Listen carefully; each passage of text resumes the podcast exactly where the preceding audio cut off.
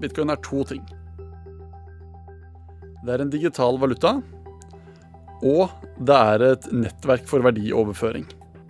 Som digital valuta så er det både et investeringsobjekt og et betalingsmiddel. Det spennende og unike, det nye med bitcoin som gjør at det skiller seg fra eksisterende systemer, er at det systemet er åpent. Hvem som helst kan bruke nettverket som infrastruktur for verdioverføring. Hvem som helst kan videreutvikle systemet. Det er et åpent nettverk for verdiutveksling.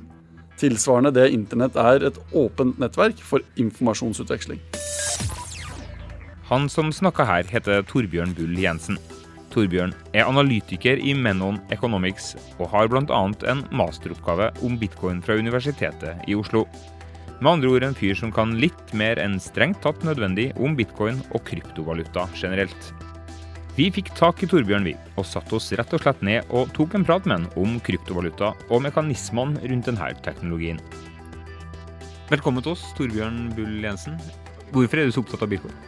Fordi det er en eh, ny teknologi. eh, En grunnlagsteknologi som kommer til å ha enorme konsekvenser for, eh, for alt av næringsliv, for alt av hvordan vi organiserer samfunnet vårt i årene fremover. Dette er en internett på nytt.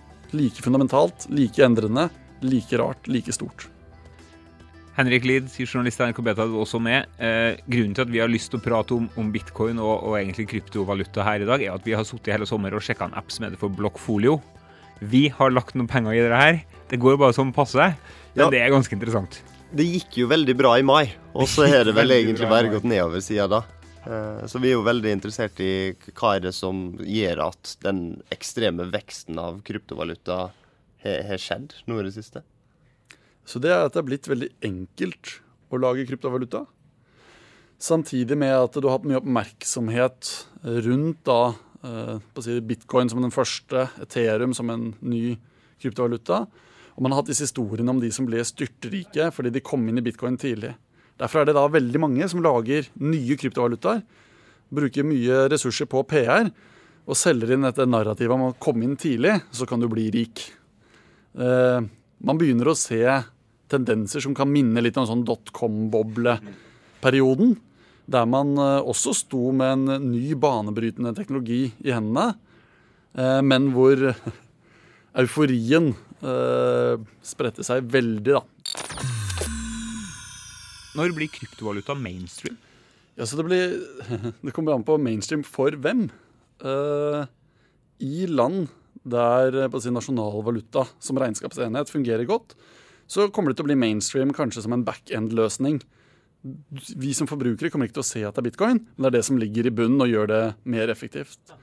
Eh, I land der nasjonalvaluta fungerer fryktelig dårlig, f.eks. Venezuela, eller i India, der myndighetene si, bestemte seg for å demonetarisere store deler av kontantbeholdningene, der kan bitcoin bli en valuta i sin egen rett og faktisk kunne brukes eh, til hverdagskjøp. Har du handla med bitcoin sånn fysisk?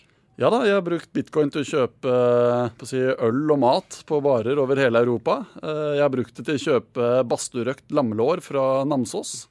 Så det finnes steder i den fysiske verden der du kan bruke bitcoin. Eh, Kaspa, eh, som er en kafé, spisested på Alexander Kiellands plass, aksepterer bitcoin. Hvordan betaler du, da? Du tar bilde av en QR-kode, og så går det på noen, eh, et sekund, kanskje. Det går like raskt og like enkelt som enhver vips betaling egentlig. Ja, for det, det har jo ofte vært kritikken mot bitcoin som sådan, at å overføre penger fra en person til en annen kan ta litt tid, for det må, transaksjonen må verifiseres i flere ledd osv. Så, videre. så det rundt dette er jo en kritikk som kommer fra personer som overhodet ikke har prøvd å bruke det. De har lest at uh, disse blokkene, uh, disse, den si, pulsen i bitcoin-systemet, tikker hvert tiende minutt. Og tenker at da må det i hvert fall ta ti minutter før en transaksjon er gjort. Men da hadde det jo vært ingen steder som du kunne kjøpt kaffe for dette her med. Så, så at de som kritiserer det, har åpenbart ikke tatt på alvor at ja, det brukes noen steder. Hvordan venter de ti minutter? Og selvfølgelig gjør de ikke det.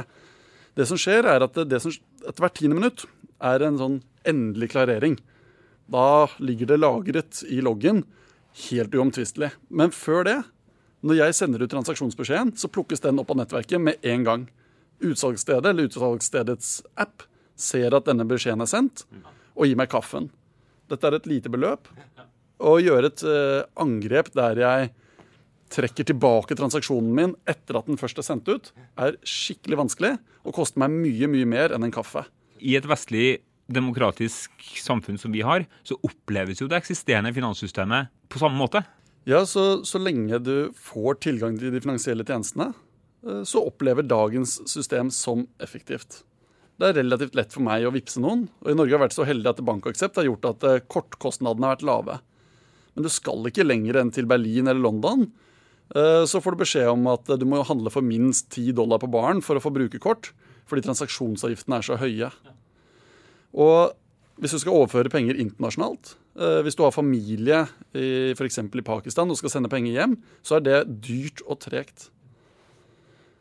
Så for den gjengse nordmann så er det vanskelig å skjønne at det kan være behov for å forbedre noe, fordi man syns det fungerer så godt. Men hvis man tenker seg litt om, så er det stort rom for forbedring. Kryptovaluta som konsept har eksplodert i den siste tida. På nettstedet CoinMarketCap, som holder oversikt over de ulike kryptovalutaene som finnes, er det nå 1065 ulike kryptovalutaer du kan velge å sette pengene dine inn i. Det er altså ikke bare bitcoin du må forholde deg til i denne jungelen av finans og teknologi. Ja, så Det er jo mange ting som foregår på en gang, og det er det som gjør det så vanskelig å navigere her. Bitcoin ble jo veldig mye omtalt eh, da prisen steg mye i 2012-2013. Så fikk prisen en skikkelig knekk. Du hadde den største børsen gikk over ende. Og hele narrativet gikk til at eh, bitcoin det fungerer ikke, men teknologien bak er bra. Og så har tiden gått, og så er bitcoin her fortsatt. Og så har bitcoin blitt stadig bedre, sakte, men sikkert. Og så narrativet snudd igjen til at vent nå litt. Selve bitcoin har noe for seg. Og de som kom inn tidlig i bitcoin, eh, tjente seg styrterike. Det er et annet narrativ. Hvis du kommer inn tidlig, så kan du bli rik. Som da mange nye aktører ser at eh, Vent nå litt. Hvis vi trenger å finansiere vårt prosjekt, og vi ikke får noe venturekapital, vi får ikke noe crowdfunding, hva kan vi gjøre da? Jo, vi lager en egen coin. Og så selger vi inn denne historien, at det kom inn tidlig. Bli med på denne bølgen. Hadde du kommet inn tidlig i bitcoin, hadde du vært rik nå. Nå har du en ny mulighet til å komme inn tidlig. Så er det, er det det vi ser med de 1065? Blant annet. Så det ene er at uh, bitcoin og et tilsvarende system Ethereum er åpne, slik at det har blitt lett å lage egne coins, egne overlagsvalutaer som fungerer oppå bitcoin og oppå Ethereum. Så det har blitt veldig lett å lage det. Hvordan gjør man det rent uh, praktisk? Hva må man må gjøre for å, for å, lage sin egen valuta? Kunne kan vi, vi lage, lage betacoin? Dere kan lage betacoin. Yes. Jeg er ikke programmerer, så jeg vet ikke akkurat hvordan man skulle gått frem. Men uh, så vidt jeg har skjønt, så er det, og særlig på denne Ethereum-plattformen, så er det brukerveiledninger i hvordan lage din egen coin som uh, gjør at nesten hvem som helst uh, med litt teknisk forståelse skal kunne klare det hvis de gjør litt research. Og da er jo spørsmålet hvor, hva er verdien? Ja, fordi her ligger både muligheten og uh, problemet. Uh, en del nye tjenester som virkelig har noe for seg, som virkelig trenger en coin for å fungere, for å insentivere ulike aktører til å bidra, kan nå lages. Men man ser også at veldig mange coins som lages, er, et, er, funnet på for å finansiere prosjekter. Men uten en eh, si, grunnleggende funksjon i systemet. Og det er nok et element av en sånn dotcom-boble-mentalitet her. Det er en veldig sann følelse over det, iallfall. Der coin er coin. Ja. Uh, det, man leser historier om at det tar noen minutter, og så har du på si, 10-20-30 millioner dollar finansiert. Mm i et prosjekt som består av uh, to kamerater og en bikkje, som har en idé skriblet ned på et ark. Uh, det er mye galskap her. Ja, Er det så enkelt? Det, det, for det det, det sånn. fins det også. Ja. Og det er vanskelig at nå har du mye galskap. Du har noe som er ren svindel. Altså folk som prøver å svindle. Som bruker markedsføring systematisk for å svindle. Så har du en del eh, som har for spreke ideer, eh, men hvor de som investerer, ikke skjønner at dette aldri kan skje. Men så har du samtidig de som virkelig har en revolusjonerende ny idé. Som kan bli den nye Amazon eller nye Google eller bli en ny kjempebedrift. Har du eksempel på noen uh, kryptovaluta som, som du syns er veldig spennende? Sunnmøringen lurer fordi han har noe penger han skal? Så- sette et eller annet sted. Så det å plukke en vinner er utrolig vanskelig. Uh, hvis du sto før dotcom-boblen sprakk og skulle plukke vinner, så er sannsynligheten for at du ville plukket en taper, veldig stor. Eh, hvis du hadde plukket en vinner, hadde du blitt helt ekstremt rik. Et alternativ framgangsmåte, det var å se hvem er det som jobber med infrastruktur. Hvem er det som er litt mer lavmælte, men jobber med liksom eh, det som skal være grunnlaget for denne, dette teknologiskiftet. Hvis du hadde investert i de som jobbet med infrastruktur, som jobbet med protokollutvikling, jobbet liksom med grunnlaget for internett, så ville du også tjent mye. Kanskje ikke blitt sinnssykt rik, men ganske rik. Så da er spørsmålet hvem er det som jobber med det i, den, i dette nye si, kryptovaluta-blokkjede-økosystemet? Eh, Og der er jo f.eks. da eh, særlig bitcoin som en infrastruktur eh, en soleklar kandidat. Du var jo hos de voksne på Dagsnytt 18 og snakka med dem.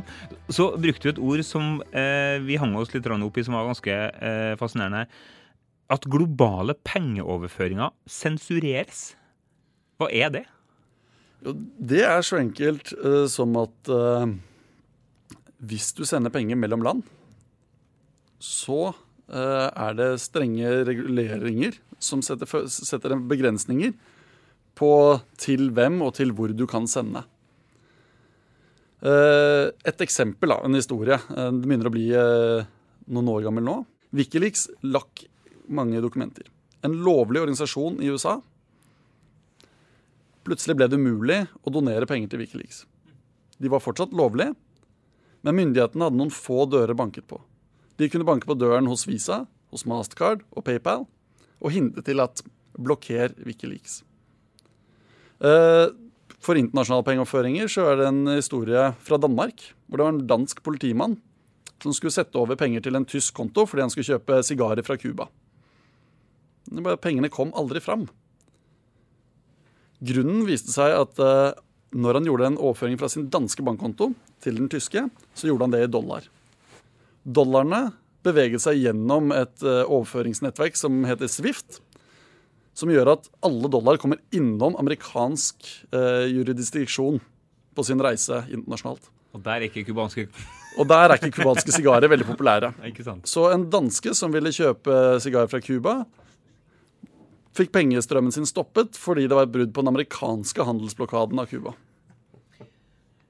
I så måte så har jo eh, bitcoin og og fått et litt sånn rufsete rykte. Altså, vi kom jo borti det første gang når vi begynte å gjøre journalistikk på det mørke nettet. Det er porno, det er eh, våpen, det er drugs. Eh, Hva har det å si for det her som, som muligheten til å bli en mainstream greie, tror du?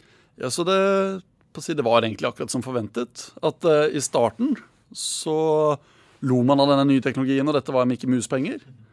Og så er det de som eh, er raskest til å ta i bruk ny teknologi, ofte de kriminelle. Eh, som det samme med internett. Ja. Man snakket, til, til å begynne med så var det dette er bare tull, dette kan jo ikke fungere. Og så så man at kriminelle begynte å bruke det, og da var det farlig. Og så har tiden gått litt til. Og så kommer det mer og mer mainstream bruk av dette. Man leser mer og mer seriøse investorer som snakker om bitcoin. Eh, Og hele dette rufsete ryktet er på vei til å forsvinne. Alle kriminelle bruker telefon til å planlegge et brekk. Det er ingen som snakker om at telefon er farlig. Eh, Så det var som forventet. Eh, Det forsinket på å si, at mainstream har tatt det i bruk. Men ikke med veldig mye. Det rufsete ryktet er på vei til å forsvinne. Nå ser vi jo at mainstream har i stor grad tatt i bruk, men kanskje mer som et spekuleringsmiddel enn en faktisk valuta. Eh, det spekuleres jo veldig i bitcoin og forskjellige kryptovalutaer, som gjør at de kanskje blir mindre egnet som en ordentlig stabil valuta. Eh, siden kursen svinger såpass mye opp og ned bare fra time til time, så er det jo en ganske ustabil valuta. Eh, hva, hva tenker du det gjør med bitcoin som, som et betalingsmiddel? Ja, så Det er ingen tvil om at bitcoins verdisvinging verdisvingning er større enn andre valutaer. Men det å tro at det er negativt med at investorene kommer inn, er, er er ikke helt sikkert. Fordi hvis dette blir enda større, hvis du får enda dypere marked, enda mer investorer, så vil svingningene bli mindre. Gull svinger mye mindre enn bitcoin, nettopp fordi markedet rundt det er mye større. Og så er det spørsmålet er det da nyttig som en valuta. Altså hvis du sammenligner med land der valutaen svinger og svinger mest nedover, så er det jo bedre med noe som svinger mye og svinger oppover. Uh, og hvis du tar til og med den norske kronen, så beveger den seg ganske mye. Du skal ikke langt tilbake i tid før at den norske kronen svekket seg med rundt en tredjedel mot uh, euro og dollar.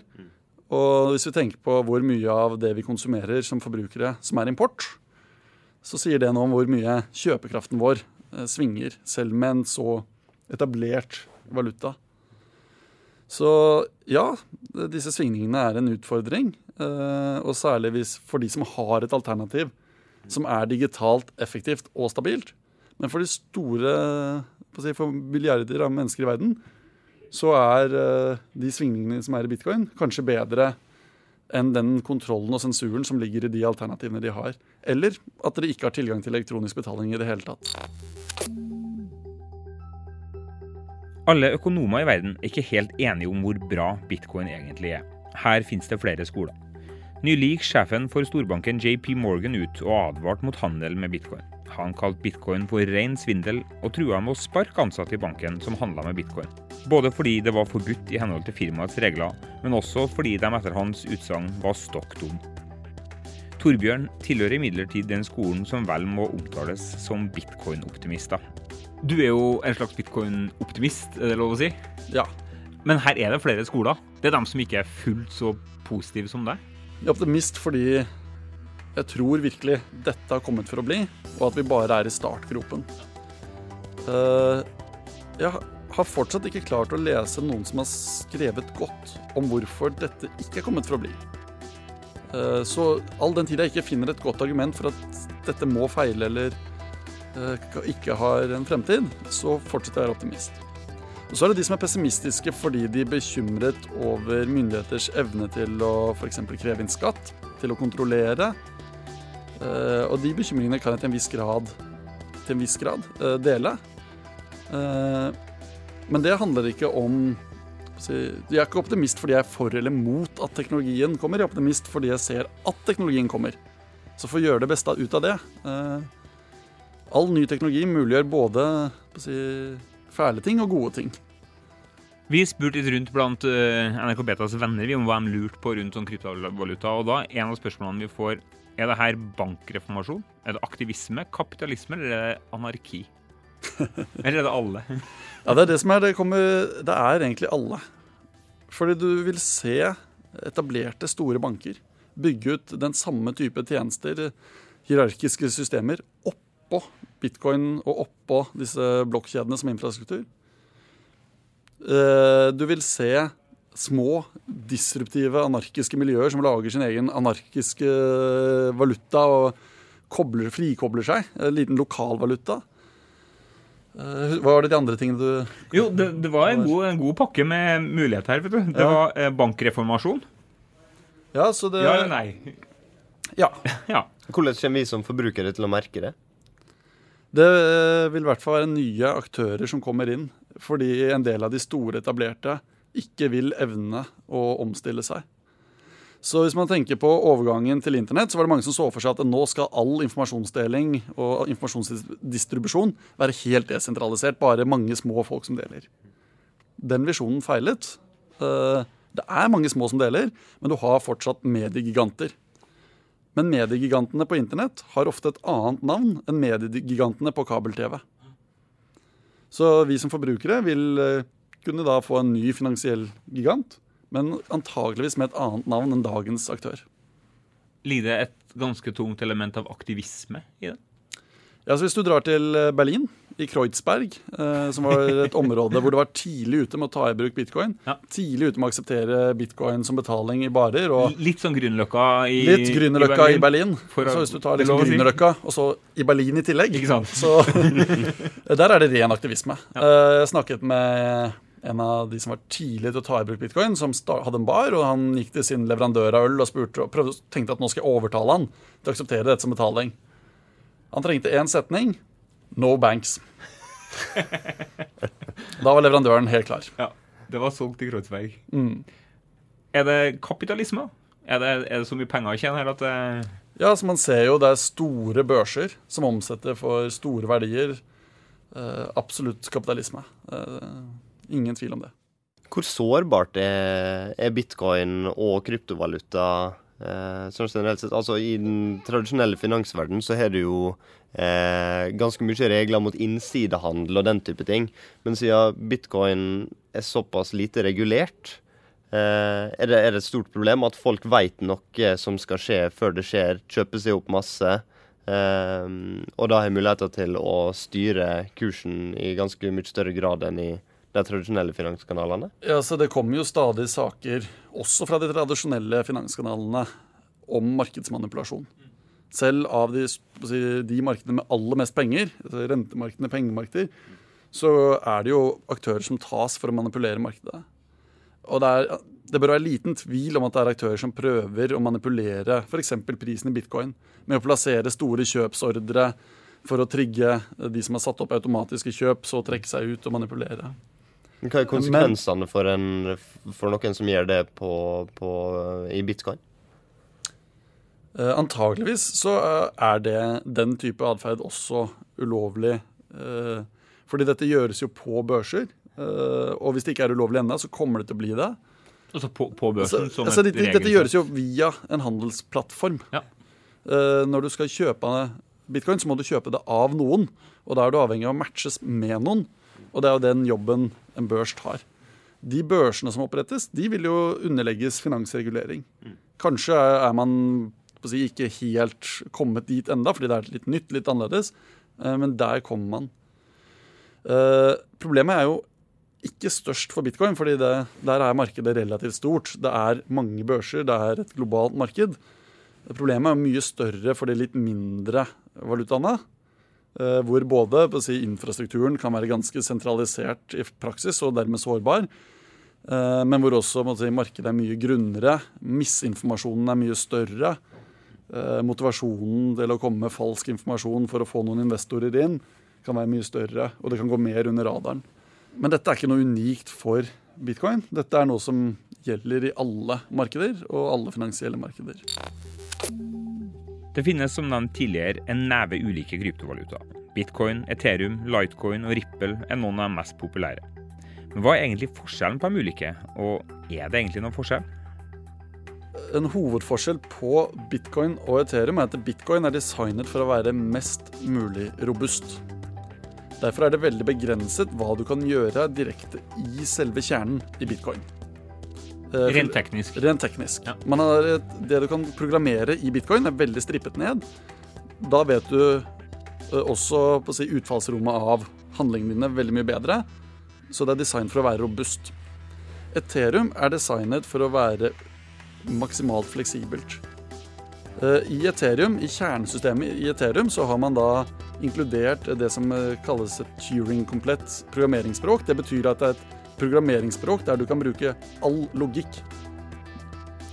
Den fleksibiliteten, det at du kan programmere hva du vil inni kjernesystemet i Ethereum, gjør at det er veldig lett å lage eh, nye tjenester knyttet til systemet, men gjør det også mer sårbart.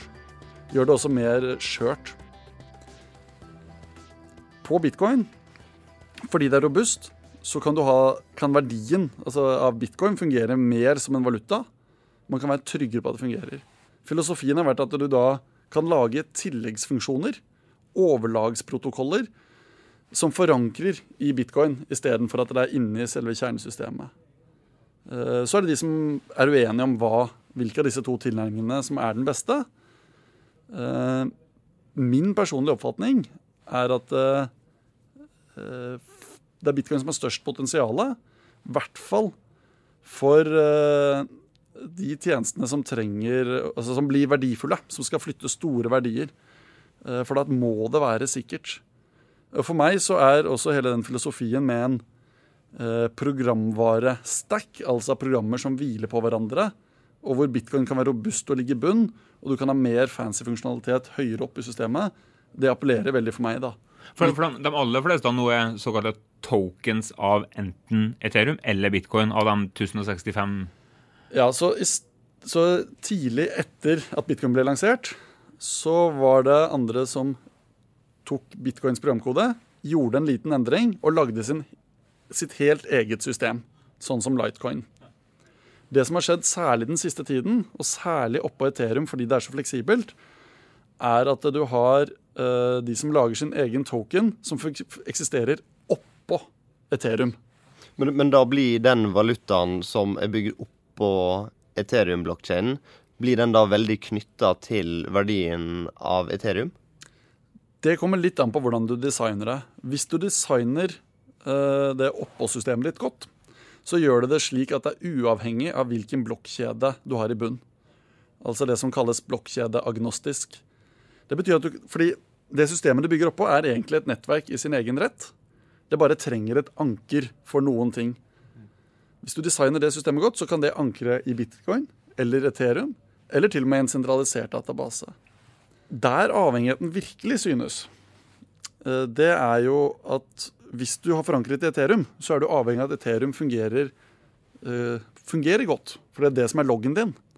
Og man hadde et sånt system som ble veldig populært, het DAO, Distributed Autonomous Organization.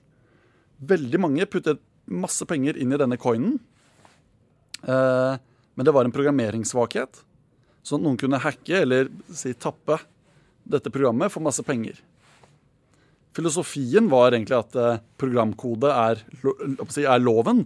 Det er det som bestemmer. Eh, men fordi så mange tapte så mye, bl.a. folk med nær tilknytning til kjernen av de som utvikler Ethereum, så bestemte kjernemiljøet seg for at disse tapene aksepterer vi ikke.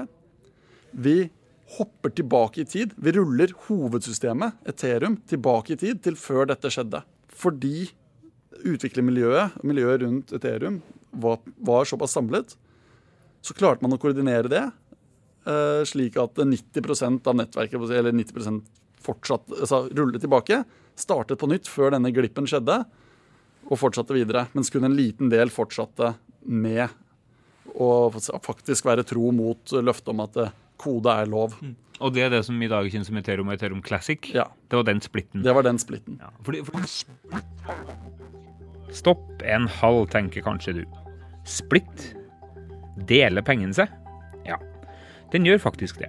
Det har seg nemlig sånn at kryptovaluta kan splittes, og det var det som skjedde 1.8 i år. Bitcoin delte seg i to deler. Vi får Torbjørn vi til å forklare det her litt merkelige fenomenet. Ja, så det er jo et veldig uheldig navn. Det burde hett bitcoin duplikat. For det som skjedde, var at uh, man har kommet til en viss grad av enighet om hvordan bitcoin skal oppgraderes. Uh, men så er det en liten gruppe som er veldig uenig i dette. Uh, og de har nok antakeligvis også sett en mulighet til å tjene penger på å bryte ut. Det de da sa, var at opp til dette tidspunktet så anerkjenner vi den transaksjonshistorikken som er i bitcoin. Den tar vi med oss. Den, den regnskapsboken kopierer vi. Men fra nå av så skal vi gå en annen vei. Og det er en annen teknisk vei man snakker om her. En annen teknisk vei. De gjorde, en, de gjorde en annen oppgradering som gjorde at eh, systemet ble ikke kunne snakke sammen med resten av bitcoin. Men det er ikke en splitt. For hvis du tenker en splitt, f.eks. et selskap som splitter seg, så forsvinner noe av selskapet dit, og noe av selskapet dit. På en måte så var det jo det var noen som gikk ut, men du kopierte regnskapet. Sa vi anerkjenner balansene på dette tidspunktet, og så fører vi annerledes fra nå av. Så det var en en duplisering. Det ble en altcoin på samme måte som alle de andre altcoinene som er der ute. Forskjellen var at eh, Bitcoin Cash, som det kalles, prøvde å bruke bitcoins varemerke. De kalte det bitcoin. Og at de ga bitcoin cash til alle som hadde bitcoin, i et forsøk på å overbevise folk om å komme over. Så, så førte det til at la oss si jeg hadde hatt 1000 bitcoins dagen før splitten. Ja, Eh, hadde jeg da 1000 av hver? ja det hadde du. Eh, og så jeg hadde da noen bitcoin før splitten. Eh, og ved å eie det på en slik måte at du har tilgang til den private nøkkelen selv, at du faktisk kontrollerer det, ikke at noen passer på bitcoinene for deg, så hadde du da tilgang til, å, eh, til både bitcoin-cashene dine og bitcoinene dine. Fordi at rett og slett ordreboka ble duplisert i to. Duplisert, ja. Så, så en del folk har tjent store penger på splitten. Ja, så, så har det da vist seg at bitcoin cash, enn så lenge i hvert fall, har hatt en verdi eh, som ligger på har svingt ganske mye, men som har ligget på rundt en tiendedel av bitcoins. Det vil si at egentlig så gikk beholdninga opp med 10 er det det du sier? Det var det slik det ble i praksis. Eh, du fikk splitten. Bitcoin falt ikke i verdi. Eh, Bitcoin Cash, som jeg nå hadde fått helt nye av, hadde en verdi. Eh, så jeg har da solgt de, eller si vekslet de over til bitcoin, for jeg har størst tro på bitcoin. Den bitcoin-splitten som man er kjent for, var et slags lotteri? Det kunne ha gått begge veier, eller alle veier? Som økonom da, så vil jeg si at uh, det som en av de viktigste drivkreftene er, er nettverkseffekter. Det å være en del av et stort nettverk er mye mer verdifullt enn å være del av et lite. Et stort er mye mer verdt enn mange små. Markedet vil derfor relativt raskt enes om hva som er hovedprotokollen, hovedsystemet. Eh, det er derfor det er derfor du ser at bitcoin er så mye større enn den nest største, som er så mye større enn den tredje største. Du ser alle selvorganiserende systemer med denne type nettverkseksternalitet. Eh, så ser du en sånn fordeling over at du har Den største er veldig stor. Den nest største er typisk halvparten. Neste er halvparten typisk av det. Og det følger en sånn fordelingskurve. Hvis bitcoin hadde blitt splittet på midten, i 50-50, så ville det kunne skapt kjempemye usikkerhet, kjempemye tvil i splitten. Hva er det man egentlig skal anerkjenne? Hva er det som egentlig skjer nå? Men litt etter hvert så ville da enten et Lightcoin eller Ethereum, fordi det ikke var problemer der, tatt over lederrollen. Ellers så ville balansen tippet, kanskje bare av tilfeldighet, litt i favøren av den ene eller den andre. Og så ville snøballen begynt å rulle, og så ville det ballet på seg. Og så ville du fått én leder igjen. Vi skal avslutte, men vi har ett spørsmål som veldig mange lurer på. Og Jeg skal lese det sånn som det er formulert når det ble sendt til oss. Er det for sent å gå inn med 50 løk? Ja, så hvis vi ser på bitcoin da, fra et da tenker jeg at det er bitcoin det er snakk om, eh, fra et investeringsperspektiv. Og Hvis vi ser på bare liksom investeringen i bitcoin, se bort fra infrastrukturen, at det kan brukes av alle store banker, se bort fra at det er et betalingsnettverk, bare ta med oss at det er en begrenset mengde da er digitalt gull. Så er det slik at den totale verdien av bitcoin i dag er sånn roughly 1% av den totale verdien av gull. Gull som ligger i hvelv og brukes som finansiell oppbevaring. Så det er alt annet enn for sent. Bitcoin har alle de samme egenskapene som gull har, nesten. Du kan ikke lede strøm gjennom det. Eh, I tillegg så kan du oppbevare si, uendelig mange bitcoin på uendelig liten plass. Du kan lære deg en kode utenat i hodet og ta med deg alle bitcoinene dine over en landegrense. Det kan du ikke med gull. Du kan eie bitcoinene dine selv og holde dem trygt uten altfor mye problemer. Det kan du ikke med gull. Så hvis bitcoin bare skulle liksom fullført én av sine roller og bli digitalt gull, så har den i hvert fall en hundre ganger igjen. 100 ganger igjen. Henrik, vi lar det være siste ordet. Tusen takk, Torbjørn Bull Jensen, for at du kom her og skravla med Henrik Lid og Marius Arnesen om eh, kryptovaluta. Det har vært eh, veldig interessant.